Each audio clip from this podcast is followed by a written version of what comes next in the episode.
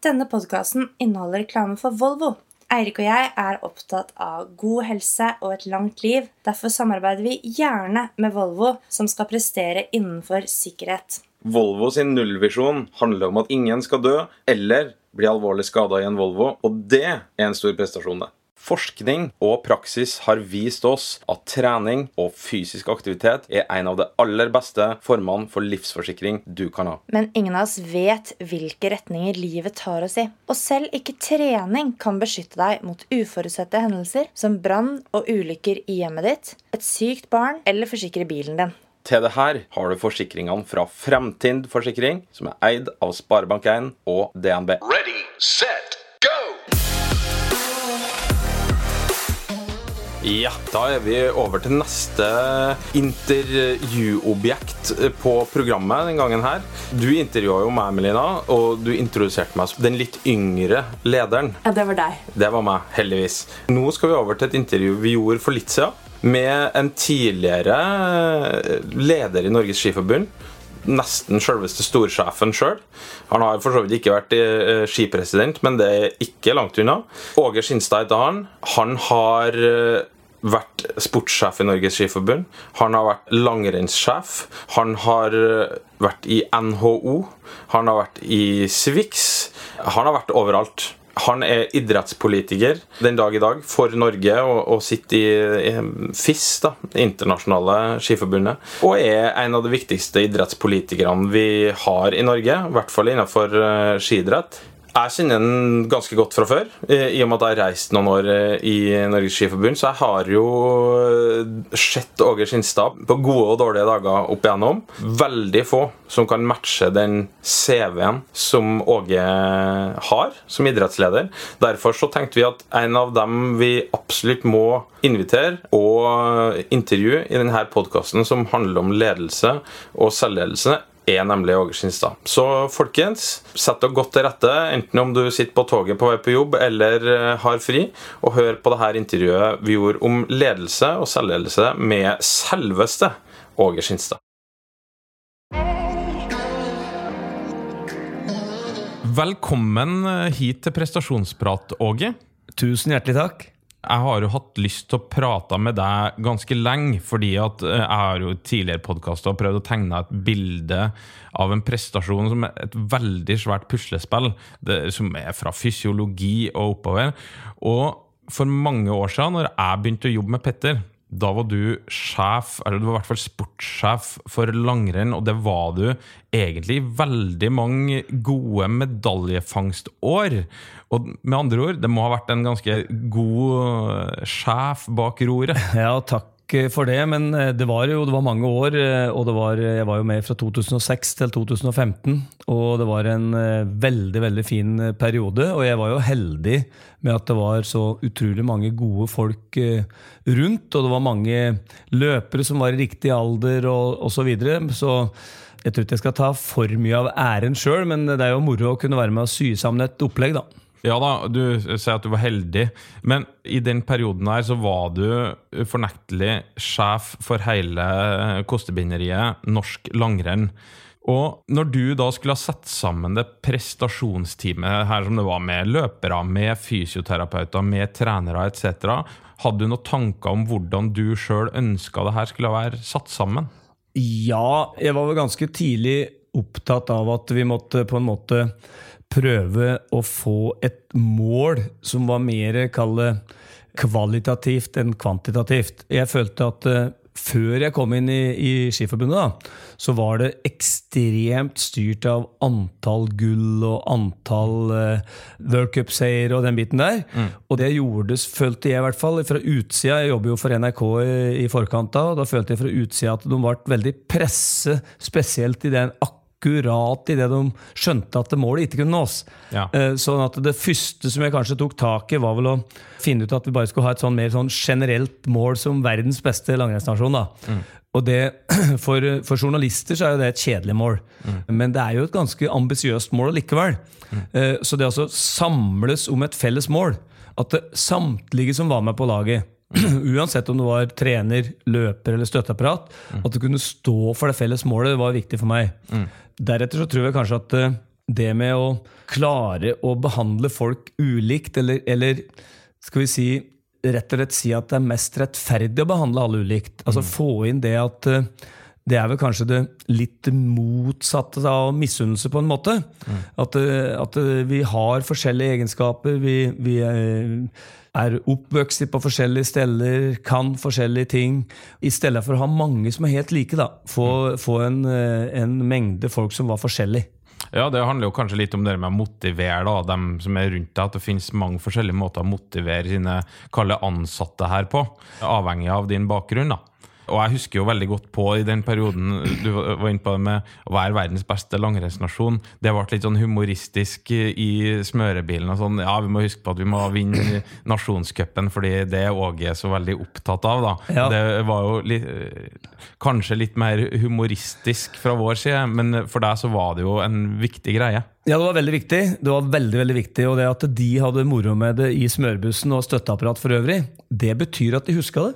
Og det var for meg det viktigste, at alle husker på det. Og det andre tinga som jeg allerede høsten 2006 satte i gang med, det var liksom at jeg skulle lage en form for verdiplattform for langrenn. Altså hva skulle langrenn stå for? Og langrenn hadde jo vært? Det kommer jo fra egentlig skauen, og det kommer fra folk som eh, ikke er så veldig utadvendt hele tida. Nå var det jo en del typer etter hvert som ble det, da. Men også det var sånn at uh, kanskje folk stakk av og gjemte seg etter. Så det å være Vi bestemte oss i sammen, hele laget, med støtteapparat og løper og alt mulig, og hadde skal vi si, arbeidsgrupper på det. Og da fant vi ut at vi skulle være offensive, positive og samarbeidsvillige. Mm. Den gangen så var eh, en som heter Bjørn Kløvstad, en eh, kamerat av meg, da, som var eh, informasjon- eller kommunikasjonssjef i Coop. Og de har jo en eh, kjede som heter OBS, altså med B. OBS. Så vi fikk jo låne til og med logoen deres, da, hvor vi snudde, snudde ben og hadde P. Ja. Altså OBS. Så det var egentlig noe vi gjorde i den derre seks-sju-sesongen for at folk skulle huske. Sånn at eh, vi hadde jo da Da var det jo Kresko som var hovedsponsor. Ja. Så det sto jo selvfølgelig Kresko på armen og sånne ting på trøya, men vi hadde OBS med P. Det var liksom det vi hadde foran på trøya vår. Det brukte vi egentlig som både spilleregler og fortalte også de rundt oss slik ville vi bli oppfatta. Og det med å være offensiv, positiv og samarbeidsvillig, det gjorde jo at vi var i hvert fall mer utadvendte og lettere å få tak i. Og jeg tror også sponsorer og, og de rundt oss satte pris på det. Så kanskje de to viktigste tinga her. En felles målsetting. Som alle kunne i hvert fall huske, om de syntes det var litt morsomt. så får får ikke det hjelpe, men, men også det er også et felles verdisett. da. Ja, jeg jobber jo i Norges Skiforbund nå, så jeg vet jo at dere, det er noe som er videreført også, eh, kall det etter de tid. Ja, det er godt å høre. Ja, altså er det jo ikke helt ut fra langrenn enda, for så vidt. Du, du er jo vår fremste representant inn i FIS. Altså du er politisk valgt for å representere Norge sitt syn da, inn i internasjonal langrennspolitikk. Så du er jo absolutt ikke ute av dansen enda. Men tilbake i de tid, da. For å si det sånn, i Norges Skiforbund så har det skjedd veldig mye. Det er en del sånne ting som jeg òg husker på veldig mye. Blant annet så satt vi på hver vår side av eh, bordet. Det var vel våren 2013. Ja, det var nok eh, april i 2013. Ja. Jeg hadde da i mange år vært med Petter, som alt fra å kjøre bilen hans til å smøre ski til å teste ski og hele pakka. Og så kommer det en telefon til meg i april, etter en veldig god sesong med VM-gull. Mange husker sikkert av 15 km skøyting i Val di Fiemme i 2013 Individuell start. individuell start. Endelig ble han en ordentlig skiløper. Så bryter Petter ut av landslaget og skal gå for Coop.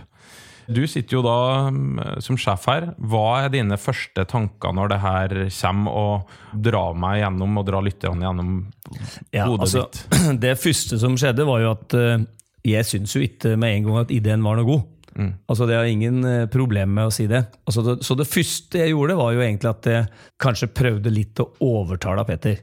Prøvde å finne andre løsninger. Innafor laget.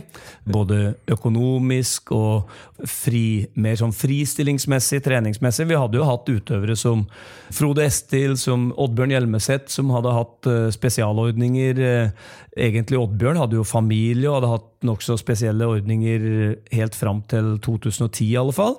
Og Frode han fikk vi jo på en måte nesten overtale til å ta et år ekstra i 2006-2007, også med spesialordninger. Og dette som jeg var inne på i, i stad med ulikheter og sånn, det så jeg var ikke så redd for å ha spesialordninger. Mm. Så, så, jeg prøvde på en måte først å overtale da Petter til å finne ut hvordan han kunne ha spesialordninger innad i laget. Men jeg må jo si at uh, det gikk ikke så veldig lang tid da, før jeg fant ut at uh, han var ikke interessert i å være på laget. Mm. Altså han var, uh, altså Alternativet var ikke spesialordninger. Alternativet var rett og slett å gi seg. Mm. Og da tror jeg altså jeg føler i hvert fall at jeg og Petter, sjøl om det var mange rundt som nok eh, Vi, vi hadde hele tida ganske god kontakt.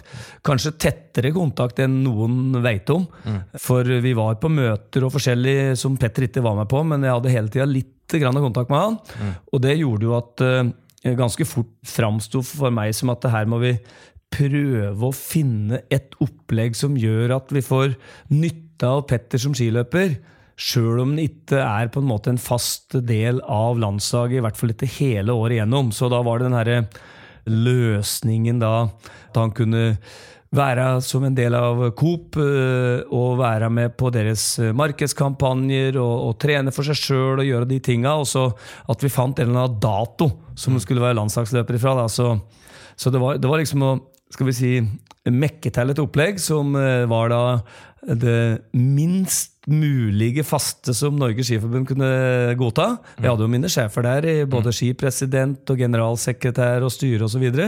Samtidig som at vi også fant et opplegg som gjorde at Petter fikk beholde den gode avtalen med Coop, og fikk levert for Coop, og, men likevel kanskje gjorde det minst mulig innafor det de kunne godta. Mm. Så det ble et sånn slags puslespill her. da, og jeg tror nok jeg var veldig glad for da i hvert fall at jeg hadde sagt hele tida at det er mest rettferdig å behandle alle ulikt. Mm. For hvis jeg hadde hatt en innstilling om at det er riktig å behandle alle likt, mm. så ville jo aldri dette være mulig å få til.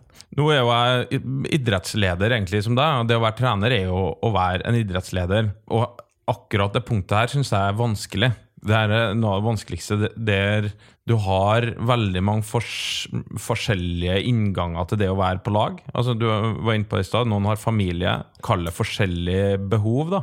Og det å da skal lande et samlingsopplegg, lande et reiseopplegg som egentlig du prøver å behandle alle likt med å behandle dem ulikt, det, det syns jeg er veldig krevende. Det å lande sånne ting. Så det er derfor at jeg ville prøve å lære litt av deg på den biten. For jeg vet at du alltid har vært opptatt av å prøve å tilrettelegge for, kall en spade for en spade, de største stjernene. Eh, ja. Sånn er det jo. At de kanskje har fått litt mer særbehandling enn noen andre, sjøl om eh, det er ingen som går for lut og kaldt vann her. Nei, men hvis du ser på en totalbelastning også da En totalbelastning er ofte bare Da tenker du på en måte trening og søvn og den biten der. Men totalbelastningen eh, den dreier seg også om oppmerksomhet. Den dreier seg om oppmerksomheten fra media, den dreier seg om oppmerksomheten fra folk du treffer på gata.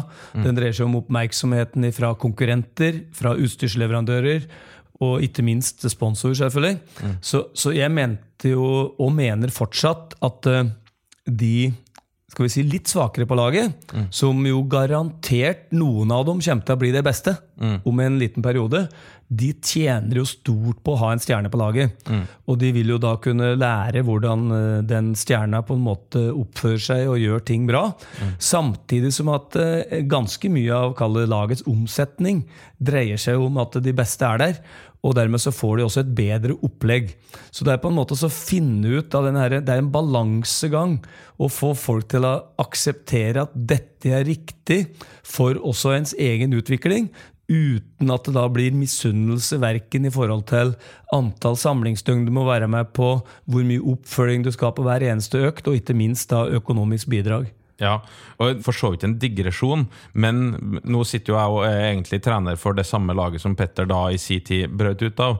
Og jeg mener jo i ettertid at det at han brøt ut, hadde en positiv effekt sånn treningsmessig for det laget som satt igjen. Det er ikke noe tvil om at kan du si, den mentaliteten som spredde seg der, om å ja, jeg kaller bretta opp armene. Den største ledestjerna var borte eller har gått et annet lag. Det satte en ny standard for ok, vi skal, vi skal slå tilbake.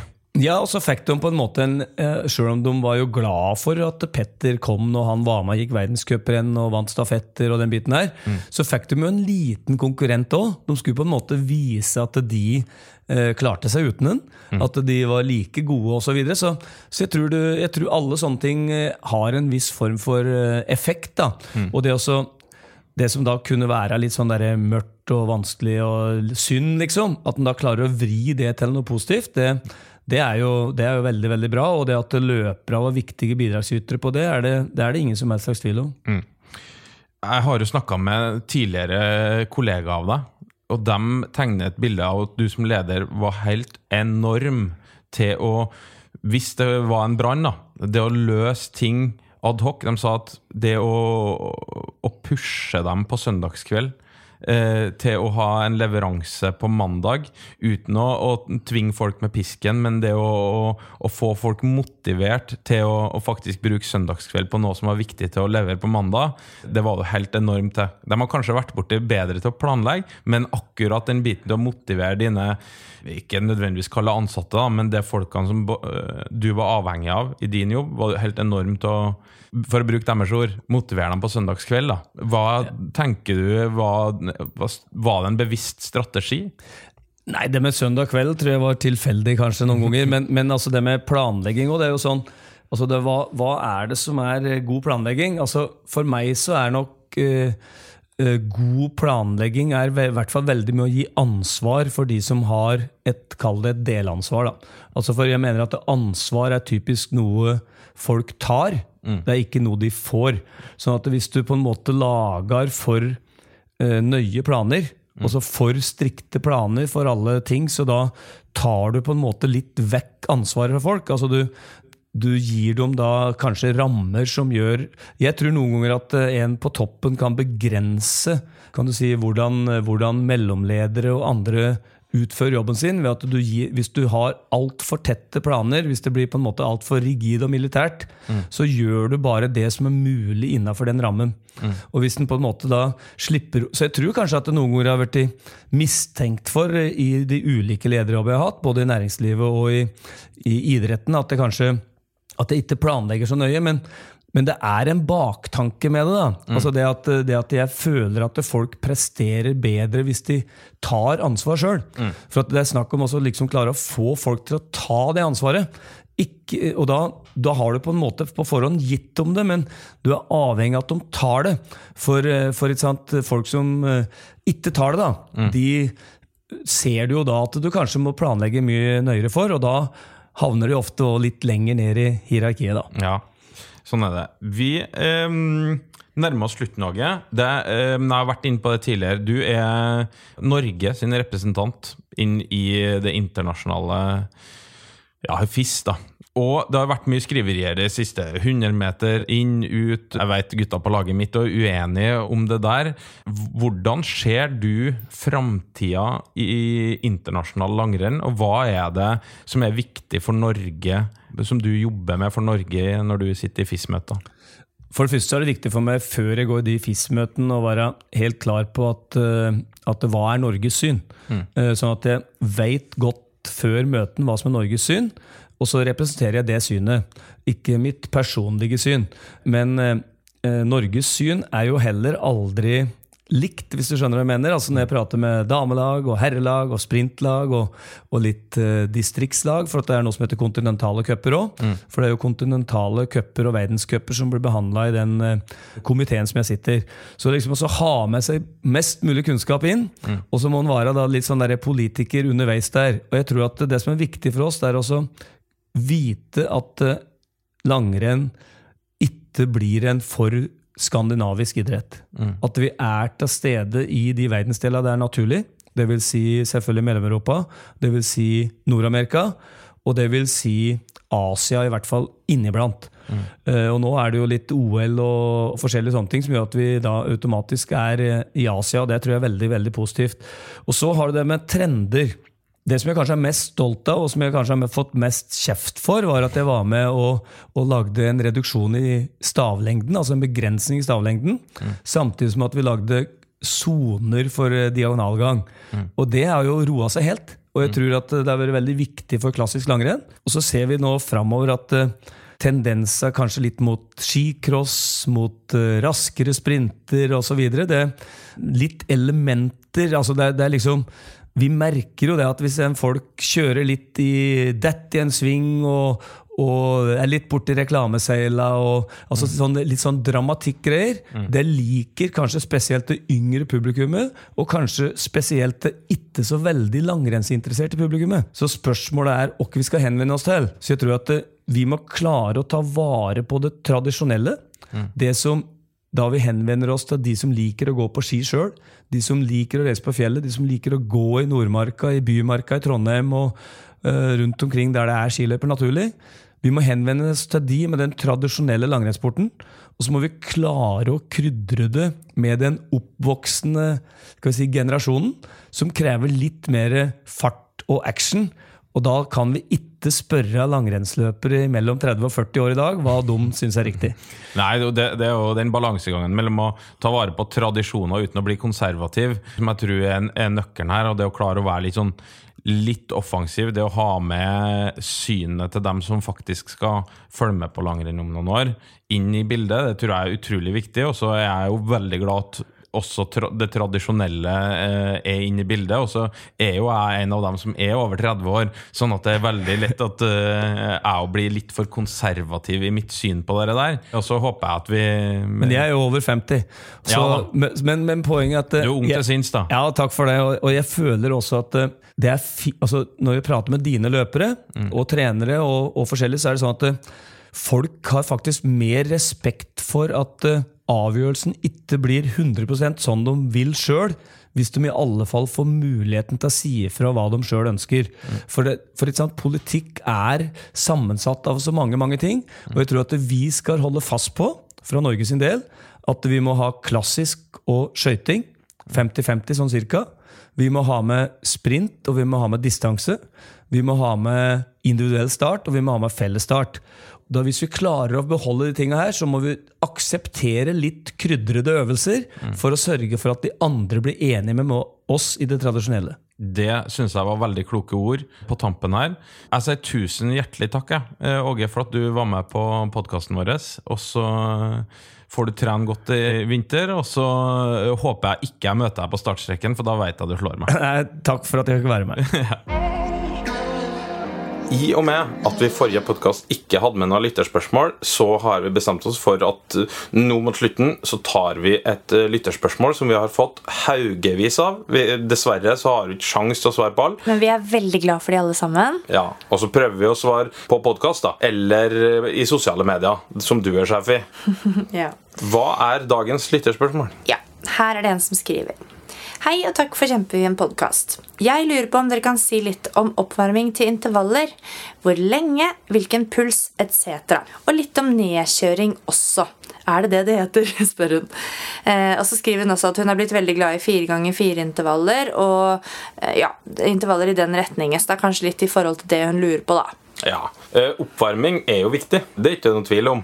Altså, Nøyaktig puls altså, kan, Sånn som vi gjør det, er jo ca. 30-35 minutter varmer utøverne mine opp. Det er ganske lenge Ja. for de fleste. Ja. Så egentlig eh, så tenker jeg at for, for de som ikke er dine utøvere, så tenker jeg at eh, en 15 minutters oppvarming, det bør man ha til Ja. eh, en sånn 4x4 eller 4x5-intervall. Men det syns jeg liksom er minimum. Ja, det er jeg helt enig i. Når det er konkurransesammenheng, så er full peis fra start. Da skal du være klar til å ta i maksimalt fra start. Så du må ha god oppvarming. Da må du ha god oppvarming, og gjerne kanskje hatt et uh, litt sånn kontrollert intervalldrag innad i den oppvarminga, sånn at hjerte, lunger etc. er ordentlig varm. Skal du ha en vanlig intervall, da, så ofte så springer du deg litt inn i dragene. Altså du starter ikke maksimalt første ti meterne.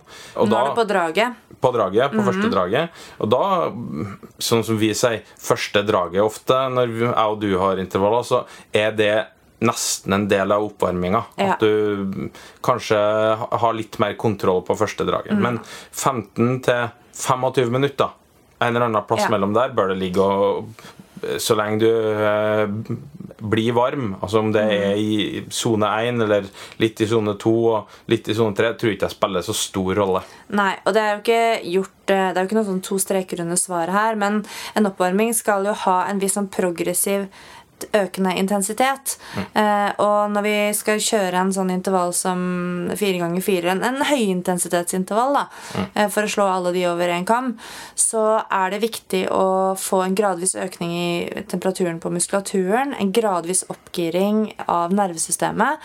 Da vil hjertet respondere, pulsen vil respondere, lunger og alt, eh, alle systemene vil snakke sammen og sørge for at du klarer å arbeide på høy intensitet i selve hoveddelen. Så det er jo et, et, det er jo liksom et fysiologisk argument for at det skal være litt progressivt økende eh, belastning, da, eller intensitet i oppvarminga. Ja. Hun nevner jo her i spørsmålet altså, nedgåing. Altså, jeg husker ikke på ordet. Cool down, nedjogg, nedkjøring. ja. Og Ja. jeg tror jo det er like innarbeida nærmest at som at du skal ha oppvarming, så skal du ha nedjogg. Ja. Og så er det veldig lite vitenskapelig bevist at det fremmer restitusjon. eller- Knapt noe som dere Ja. viser til det.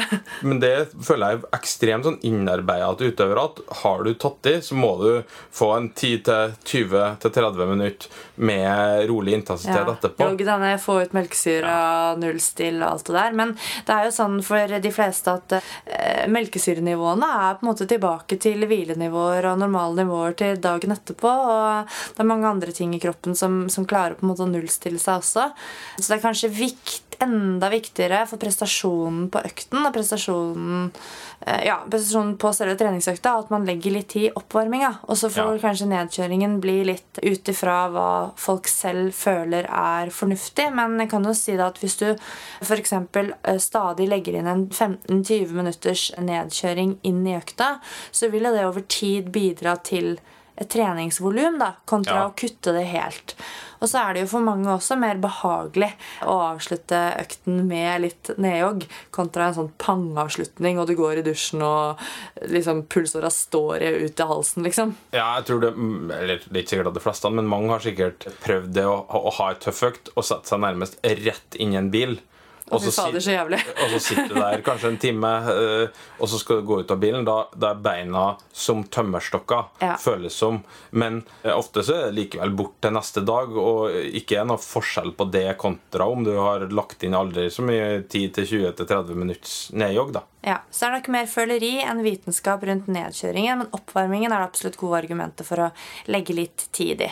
Ja, og så siste der, jeg ville ha sagt viktigere for å få god respons på ting og, og springe fort, er at du faktisk beveger deg i de pausene mellom intervalldragene, enn at du nødvendigvis legger inn så fryktelig mye nedjogg etterpå. Ja, det var fint. Det var veldig fint. Ja, Da tror jeg vi skal takke for oss i denne runden, og vi er tilbake da med en ny episode ikke neste uke, men neste uke der igjen.